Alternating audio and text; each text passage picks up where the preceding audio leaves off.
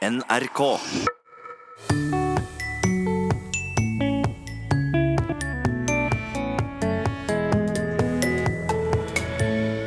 I Sandnes snakker de om å knokse bilen da den går til opphugging. Og som da skriver seg fra et lokalt firma. Bilopphoggeriet Knox, altså. Det jo, burde jo få, få diplom for navnet. Vi skal prate mer om ord som lages av navn. Og hva er budskapet her? Ja, det var skikkelig snilt gjort av deg. Voksne kan skjønne ironien, men hva med barn? Når forstår de slik dobbeltkommunikasjon? Vel møtt til Språkteigen. Eponymer heter det når et ord lages av et navn, og det er et artig fenomen som Tor Erik Gjenstad og Georg Kjøll skal prate litt om i dag. Kåre Tengs Pedersen har merket seg en lokal variant i Sandnes. Der bruker de det lokale uttrykket å knokse bilen, altså å vrake bilen. Dette kommer direkte fra det lokale bilopphuggeriet Knox, lokalt kjent som Knoksen. Han har òg et spørsmål om et annet ord de bruker i Sandnes, nemlig knagge. For eksempel kan de si har du knagga bilen din? Altså har du bulka eller vært borti noe med bilen. Hva kan det komme av, spør han. Ja, eh, det er jo registrert, det her verbet, da, å, å knagga, vil det vel bli infinitiv i det området der, da. Om å, å støyte imot, også å slå til noen. Og det er nettopp jern, da. Eh, og også inn i Ryfylke, Hjelmeland, er det registrert ifra. Med eksempel som jeg knagga i ledstolpen med den nye bilen, altså grindstolpen. Eh, og det er nok rett og slett danna til knagg, i betydning nabb eller håndtak. Det er noe som stikker ut, og som du kan komme borti. Så jeg vil tro det, men det er, det er så ganske lokalt, det her å knagge for eh, nettopp Rogaland, da. Er det lokalt i denne betydningen, eller også som å, å, å, mer utvidet som å slå? Eh, nei, det er visst uh, i den betydninga er å støyte imot og slå. uh, så er det lokalt, iallfall ifølge Norsk ordbok. Ja. Sånne KN-ord som er ja, knikse og, og sånne litt sånn rare Ja. avarter man kan tenke seg kunne vært brukt om sånne ting. Men jeg har ikke, ja, i den betydninga ikke sett det før. Nei, så har du noe du kan selvsagt assosiere med ord som knase og knuse og, og slike ting. da. Uh, Lytteren nevner jo her også, også å, å knukse bilen, mm. som å, å kondemnere den, vrake den, og som da skriver seg fra et lokalt firma. Eh, Men her òg må det jo kunne være assosiasjoner til knockout og, og slike ting. Ja, morsomt. at firmaet heter uh, Knox, ifølge lytteren. Det er utrolig, ja, utrolig. Bilopphoggeriet Knox, altså. Det er jo, burde jo få, få diplom for navnet. Ja, Nei, det, det må jo, ja, Morsomt å vite om det var noen sammenheng eh, der. Men eh, ja, gi bilen en, en eh, knockout på Knox må jo være bra markedsføring, i hvert fall. Jeg lurer på bakgrunnen for uttrykket 'dagens dumt'. Kan det ha noe med etydehefte for fiolin skrevet av Jakob Dont å gjøre? Eller er bakgrunnen mer generell, spør Astrid Skogvang. Ja, det er et godt spørsmål. Ja. Eh, svaret er nok at eh, nei, det har nok ikke noe med Jakob Dumt og etyder å gjøre, sjøl om eh, det kan være trasige dagsverk, det å øve etyder. Eh, men det er nok litt folkeetymologisk, det der. Eh, nei da, dumt, som i dagens dumt, det kommer fra lågtysk, nedertysk. Eh, Don eller dont, og det er avleda av verbet don, da, som betyr å gjøre. Uh, Jf. engelsk to do, og for den del tysk soton. Så det er gjøremål, rett og slett. Eh, men altså importert fra nordtysk, som så mye annet ordstoff som vi har. Og det der er jo eh, helt allment norsk, kanskje litt gammeldags begynner å bli. Ja, og det ordet, det altså eh, Dette med don't, selv om det er et veldig sånn generelt eh, opphav, bare gjøre gjøremål, så har du jo fått den fordi det har brukt så lite og brukt spesifikt i denne sammenhengen med dagens dont, så, er det nå bare Virker jo bare være negativt. Noe man ikke har så lyst til å gjøre. Eh, eller noe som i hvert fall ikke er eh, forbundet med mye, mye glede, da. Men det var ikke så dumt det spørsmålet egentlig, det om det kommer fra Jakob Dumt, for det er jo en del ord som, som kommer fra, fra navn, ikke sant? Eh, ja, altså Når vi snakket om, eh, snakket om å, å, å, knokse bilen sin fra, fra firmaet Knox, så er det veldig det er, Dette er en måte vi får nye ord på uh, hele tiden, egentlig. I norsk og alle andre språk som jeg kjenner til, så kan vi finne igjen hundrevis av, av ord som egentlig er opphav i, i andre Hva skal man si I, i, i, egennavn, da. Eh, eller folk som har, eh, er assosiert med det. Eh, så vi snakker jo om en sandwich som, som noe helt vanlig. Man tenker kanskje ikke over at det er en, en britisk adelsslekt, hvor jarlen av sandwich visstnok var den første som bestilte et måltid bestående av to skiver oppå hverandre, og dermed fikk æren av å, å bli opphavsperson til også, også navnet. Da.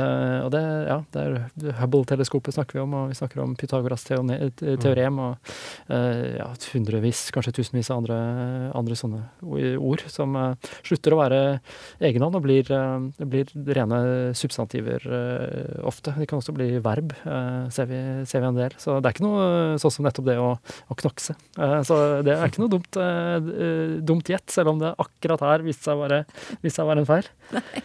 Er jo mange klassiske eksempler på det. Du har jo én Krøsus, for eksempel. Det, det var vel òg en mer eller mindre historisk person, ja. uh, som nå har kommet til å bety riking. Og fra nyere tid så har du jo altså Quisling, som har fått betydning landsforræder. Mm. og, og slik. Ikke minst i sporten er det jo voldsomt mange. Altså, du har uh, kunstløp med dobbel aksel og dobbel lots, og du har Chukahara-sprang i turn. turn er det, det er mange slike altså folk som har gjort et eller annet øvelse, her moment, som som blir rett og slett appellativ, som vi kaller det. Ja, ja. Går over fra navn til helt typisk. Ja, nei, I fotball kan man finne igjen en panenka, f.eks., som er en, eh, en, type straffespark hvor man nonchalant legger ballen midt i mål, mens keeperen kaster seg til ene siden. Ja, ja, riktig. Etter, etter, etter spilleren som først fikk til det. Morsomt også at man, man gjør disse koblingene, som vi hører her mellom Eller som Astrid gjør, da, mellom Jakob Dont og, og dagens Dont. For jeg tror det er fort gjort å og kanskje tillegge uh, opphavspersoner som ikke egentlig var opphavspersoner, æren for uh, alle mulige slags fenomener og til slutt, som til slutt blir ord. Så det er jo faktisk en, en lov, uh, litt sånn humoristisk utformet lov eh, som eh, en som heter Steven Stigler har formulert, som sier at ingen vitenskapelige oppdagelser er oppkalt etter sin egentlige opphavsperson. Noe som vil tilsi at alle eponymer egentlig er eller så godt som alle eponymer egentlig er feil. Så han sier at det var ikke Edwin Hubble som egentlig lagde Hubble teleskopet. Og Pythagoras teorem det hadde jo babylonerne kjent til tidligere. uh, og så ligger det et sånt alvorlig poeng under der om at uh, vitenskap er jo ikke produkt av det én person gjør. Det er typisk ting som eh, utfolder seg eh, over med hjelp av samarbeid over mange hundre år. og Da blir det litt meningsløst å tillegge det én person. Men eh, jeg tror ofte at denne Stiglers lov, hvis man prøver å anvende den, så ser man at ok, det var kanskje ikke jarlen av sandwich som var den aller første som la to skiver oppå hverandre. Det kan godt være noen kom på det noen hundre år før han. Ja, kanskje ikke engang det var Stigler som fant på sin egen lov. Det tipper jeg at det var noen andre som gjorde, så bare gjorde han, tok han den bare for å bevise sitt eget poeng. ja, hvem er egentlig eh, opprinnelsespersonen til ordet? Det kan sikkert diskuteres i mange tilfeller. Takk til Georg Kjøll og Tor Erik Gjenstad.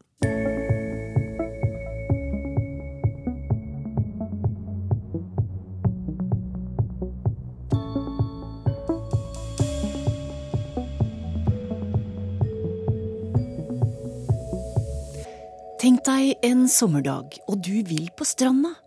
Men så blir været slik. Det pøsregner, og som en kommentar til været så kan du komme til å si jammen ble det fint vær i dag. Du er ironisk. Og slik bruker vi språket. Vi bruker det figurativt, dvs. Si, vi sier noe helt konkret, men vi vil egentlig uttrykke noe helt annet. Vi voksne finner oftest ut av denne dobbeltkommunikasjonen, men hva med unger? Når lærer dem seg denne formen for kommunikasjon? Kanskje tidligere enn vi hittil har trodd. For Ingrid Lossius Falkum ved Universitetet i Oslo, du leder et forskningsprosjekt om dette. Ja. Og hva gjorde at dere ville forske på det?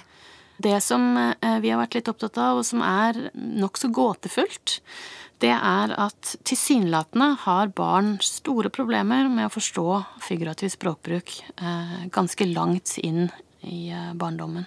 Og hva legger du da i figurativ språkbruk? Så figurativ språkbruk vil da være typisk eh, bruk av metaforer, ironi, eh, det vi kaller for metonymi eh, osv. Det er mange ulike former for figurativ språkbruk, men de involverer alle at man bruker et uttrykk som har en bokstavelig betydning, eller uttrykk eller en eh, setning som har en bokstavelig betydning. Uh, og at det som kommuniseres da er noe annet enn denne bokstavelige betydningen. Du sier det er litt gåtefullt at de har problemer. Hvorfor sier du det? Det som er veldig interessant, er at uh, små barn tidlig uh, har en velutviklet evne til å uh, kommunisere. Så helt fra de er baby, så kommuniserer de ved hjelp av blikk, senere ved hjelp av gester, og enda senere ved hjelp av ord. Og de har da det vi kaller for en eh, tidlig utviklet pragmatisk kompetanse. Eh, det vil si da evnen til å eh, kommunisere ved hjelp av språk eller gester osv. Dette er ganske imponerende, hvor presist de klarer å kommunisere. Ved hjelp av ytringer av ulike slag, ikke-språklige ytringer. De peker, de strekker seg, de, de gjør en hel rekke ting som, som viser og, og, de uttrykker da eh, ønsker og behov på en ganske presis måte. Mm. Når de begynner å lære seg språk, så er det også ganske imponerende hvordan de da er i stand til, når en voksen bruker et ord som de ikke har hørt før, hvordan de er i stand til å da slutte seg frem til hva den voksne faktisk mener ved bruk av det ordet. Ja. Så ganske tidlig eh, så barn, har barn en, en velutviklet eh, pragmatisk kompetanse. Så utgangspunktet her var egentlig at du undra deg litt over at uh, unger var så seine med å skjønne noe som egentlig ligger litt latent i dem? Det er jo det du sier? Ja, altså det er jo ting altså Først må jeg si det er eh, aspekter av ironi som, som det er nokså forståelig at, at barn eh, lærer seg ganske sent.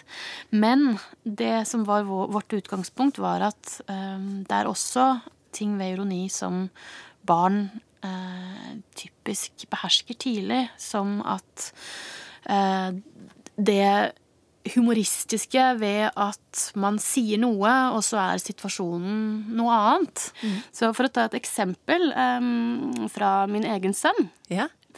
Da han var ca. to og et halvt år gammel, så var vi på vei til barnehagen. Uh, og da hadde akkurat uh, Det begynte å regne mens vi uh, var på vei til barnehagen. Og så sa jeg til ham at oi, nå ble det veldig stygt vær, nå må vi gå og ta på regntrekket ditt. Og da gikk vi under et tak da, for å ta på dette regntrekket. Ja. Og mens jeg holder på med det, så, så, ser sønnen min på meg, og så ler han, og så sier han 'Veldig fint vær', sier han. og her var han vel antagelig ikke ironisk, sånn i en sånn voksenforstand, men han gjorde noe som eh, ligner eh, på ironi. F.eks. det at det som ble sagt da, ikke stemmer overens med de faktiske forholdene, og at det er noe humoristisk ved det. det jo, så ironi brukes jo ofte med en sånn humoristisk undertone. Ja. Så du antyder at dette skurrer litt i hva forskning hittil viser. Og hva viser den, da? Når forstår unger ironi? Ifølge den tidligste forskningen som ble gjort på dette, så forstår ikke barn ironi før de er godt opp i tenårene. Eh, og det eh, viser nyere forskning at eh, nok ikke stemmer. Mm. I disse tidlige, den tidlige forskningen så ble barn gitt ganske vanskelige oppgaver som skulle teste forståelsen deres av ironiske utsagn. Så ofte ble det brukt veldig lite kontekst, og kontekst er jo kjent noe som er veldig viktig for å kunne forstå ironi. Det vil si sammenhengen dette har blitt sagt, sagt ja, i? Ja. Så i tidlige, denne tidlige forskningen så ble det brukt lite kontekst.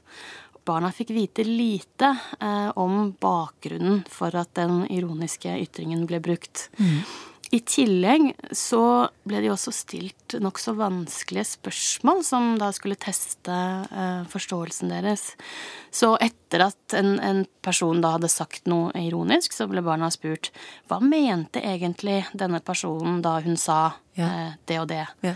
Hvorfor sa eh, denne personen det og det? Eh, og det kan jo være nokså vanskelig for barn å svare på. Nå har dere gjort en ny studie, og hvordan gikk dere fram da? Det vi ønsket å se på, var om vi kunne lage ironiske ytringer med et sånt late som-tonefall. Med en sånn veldig overdreven tonefall som tydelig signaliserte overfor barna at her er det noe vi ikke mener, ja. som vi sier. Mm. Så ønsket vi å se om dette gjorde at det var enklere for dem å forstå at den voksne da distanserte seg fra det som ble sagt.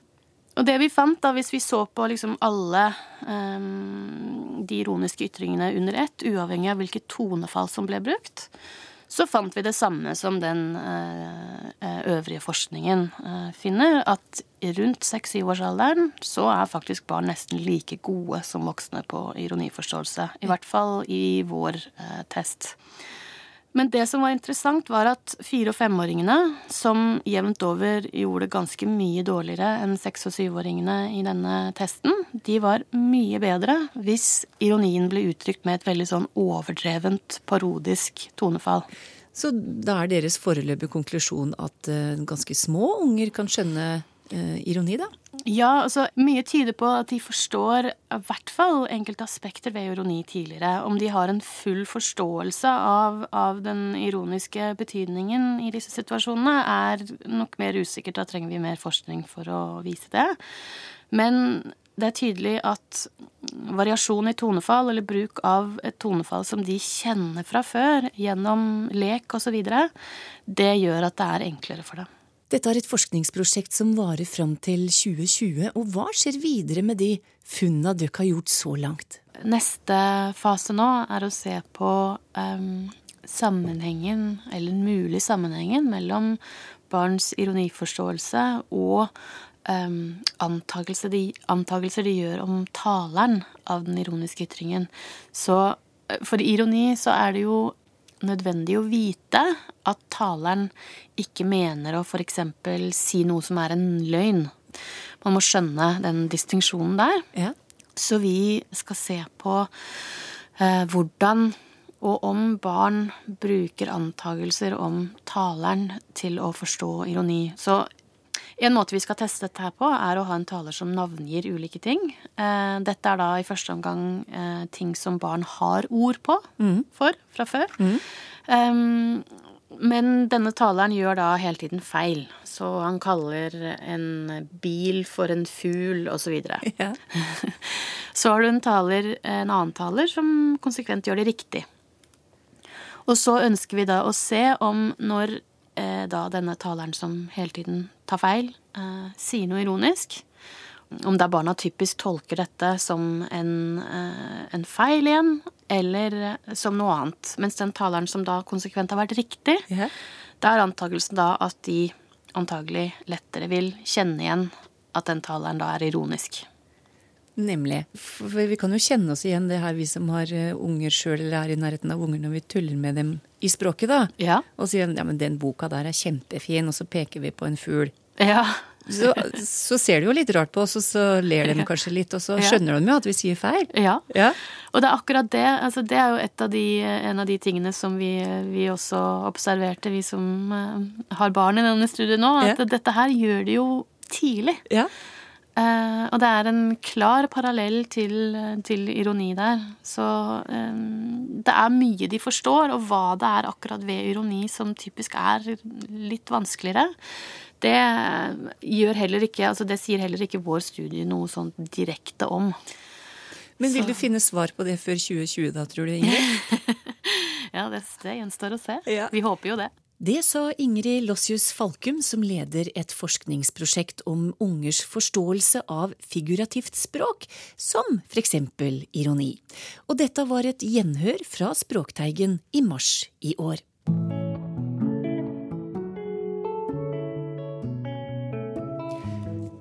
Nå skal Toril Oppsal og Sylfest Lomheim få svare på flere lytterspørsmål. Først et fra Magnus Vollen, som skriver. Det funka, sier vi.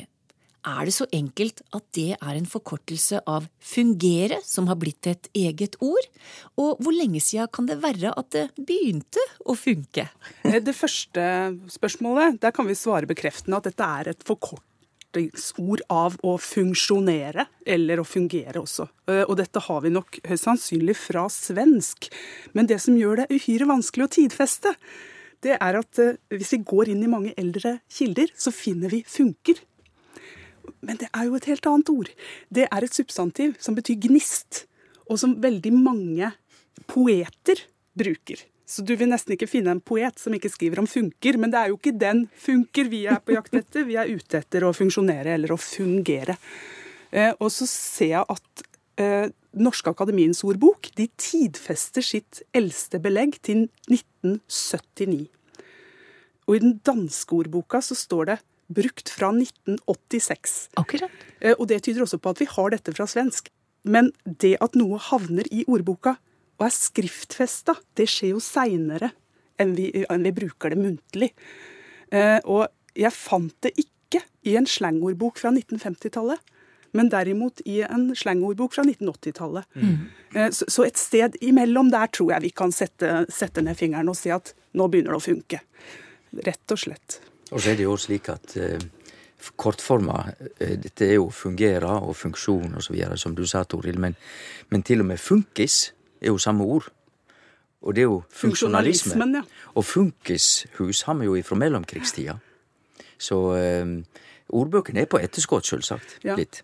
Men, men, som verb så tror jeg nok vi må, vi må opp, ja, og funka, opp, opp, ja. på, på 70-tallet. Ingen tvil. Så kommer de fra der funkar, funkar inte? Ja. Og svenskene var jo like etter krigen og framover veldig ivrige på å lage kortformer. Vi har vel vært ganske ivrige på det, vi òg? Ja, vi har fått det fra Sverige veldig mye. Vi har vært veldig ivrige til å ta etter svenskene, ja. Det har vi vært. Ja. Ulf Nestvold spør om et ord han syns blir brukt litt feil, nemlig gedigen. Det blir brukt om størrelse, for eksempel en gedigen fiasko. Men dette tyske ordet 'gedigen' betyr så vel i tysk-norske ordbøker som i mi fremmedordbok, skriver han, særlig om metall, ren, ublanda, lødig, ekte, verdifull, kraftig. Mm. Kan 'gedigen' ha betydningen stor på andre skandinaviske språk enn norsk? For han syns dette er litt rart. Ja, altså de andre skandinaviske språka bruker ikke det så veldig forskjellig fra norsk. Men, men eh, det som jeg sitter igjen med, er at uh, gedigen er i utgangspunktet et veldig positivt ord. En gedigen vekst. Det betyr like mye en flott, ypperlig, som en stor vekst. Og det betyr òg at ei gedigen ulykke, som jeg har hørt enkelte snakke om, ei gedigen ulykke, det skurrer i mine ører, fordi at ei ulykke er jo ikke noe som er positivt. Men dette henger nok sammen med at folk eh, ikke har noe presis oppfatning av meninga med gedigen, bortsett fra at det er noe stort, kraftig. Og dermed så kan jeg bruke det både positivt og negativt, kanskje på norsk. Men i utgangspunktet så er det utelukkende positivt. Mm. Altså, det fins jo veldig mange eldre eksempler på denne bruken av gedigen som synonym til stor. Eh, men veien fra noe som er eh, rent og ekte og grundig til stor og solid, den er jo ikke så lang. Så, det er ikke så, så, så merkelig, dette. Men, men, hvis ikke jeg husker helt gærent, så har den svenske akademiens ordbok i den bruken av gedigen i betydningen solid, den lurer jeg på om de har markert med muntlig eller spøkefullt eller noe i den retning. Sånn at, så at det, er, det, er, en liten Det er et stilistisk grep her som, som antagelig betyr noe. Eh, men, men, bruken ser ut til å ha vært Altså det, det, det å bruke gedigen om stor og kraftig, det, det har vi gjort lenge. Eh, jeg reagerer heller ikke like sterkt som deg, Sylfest, på en gedigen ulykke. Eh, så, så, så, så her ser vi, ser vi, nok en ganske klassisk betydningsutvidelse. Ja, og det er jo klart at hvis folk oppfatter gedigen som utelukkende stor, og ikke nødvendigvis ekte og flott og lødig, mm. så er det jo ingen skilnad på ei stor ulykke og ei gedigen ulykke. Hvis du da er tolka til tida gedigen som utelukkende noe med storleik å gjøre, ikke noe mm. positivt, så mm. det er klart her er det fullstendig gliding, altså, i semantikken, altså innholdet. Ja, den, den, overgangen fra noe som er lødig og ekte og verdifullt, eh, til noe som er stort i positiv forstand. Jeg får eh, assosiasjoner til denne konge, brukt, brukt også som, som, et forsterkende og positivt eh, utbrudd. Ja, konge som ja. ungdommene Ikke han Lomheim sier, men altså helt konge. Den, den er jo ikke ja, ja, den, den, er kanskje, kanskje gedigen. ja, ja. Hva mener dere om ordet smittsom om et menneske kontra en smittebærer, altså en person som smitter? Nesten alle sier at en person er smittsom, men dette skurrer i mine ører. Nå er det så mange som sier det at jeg er redd for at jeg med tida blir smitta. Smilefjes riktignok etter der, da. Etter min mening så kan en person bare smitte eller være smittebærer, sier Elin J. Hva sier du, Sylfest? Ja, jeg er jo kjent for å være litt streng, men i dette tilfellet så er jeg ikke så streng. fordi rent logisk er det jo klart at det er en sjukdom som er smittsom. Men når mennesket har denne sjukdommen, så vil ikke jeg reagere på at vi òg omtaler det mennesket som smittsomt. Og det tror jeg er vennlig vanlig språkbruk, så det er for så vidt greit nok. Når det gjelder verbet å smitte, så er ikke det så stygt og ekkelt og negativt i utgangspunktet, for ordboka sier jo at det betyr å både å sette en flekk, du fører over en flekk på noen, eh, du påvirker noen, noen eller, eller altså det er en kontakt mellom, mellom to. Og, og, det med å smite, det betyr også å smørje utover, slik at eh, verbet å smitte har blitt litt styggere med tida. Men vi kan jo holdt på å si, gjøre det litt fint igjen ved å påstå at eh, du har en smittsom latter. For der ja. har vi også denne, denne overførte betydningen. og, og eh, en trend kan være smittsom også. Mm. Jeg, jeg, er, eh, jeg, er, litt enig med Elin Johnsen her at det er et eller annet som skurrer ved, ved, ved at et menneske er smittsom. Mm. Hvis vi tar utgangspunkt i denne definisjonen om at det er noe som overføres ved smitte. Men, men nettopp fordi de har denne altså, muligheten til å handle om andre ting enn å være smittebærer, så, så fungerer det jo. Eh, så jeg er enig med Sylfest her. Vi, vi, kan slå oss til ro og ikke la oss Altså, Vi trenger ikke være redd for smitte akkurat her. Jeg tror det kommer tydelig fram hva vi mener. Ja, og så vet du En person som er opptatt av å si til andre jeg, jeg er ikke smittsom lenger. Ja. Vi, vi, sier jo det, altså. Vi, vi vil ikke si noe annet. Ja. Nei. Det ble siste svar på lytterspørsmål i dag, det. Takk til Sylfest Lomheim og Toril Oppsal. Og lurer du på et ord eller noe annet om språk, så er det bare å ta kontakt. Du kan sende e-post til teigen krøllalfa nrk.no, eller bli med i Språkteigen sin gruppe på Facebook. Vi fortsetter med sendetid 8.30 et par søndager til, men fra søndag 26. august er vi tilbake til vårt faste sendetidspunkt 9.30. Men vil du være helt uavhengig av sendetidspunktet, så gå inn og abonner på podkasten vår. Alt om det finner du på nrk.no podkast. Dette var det for i dag. Ha det bra.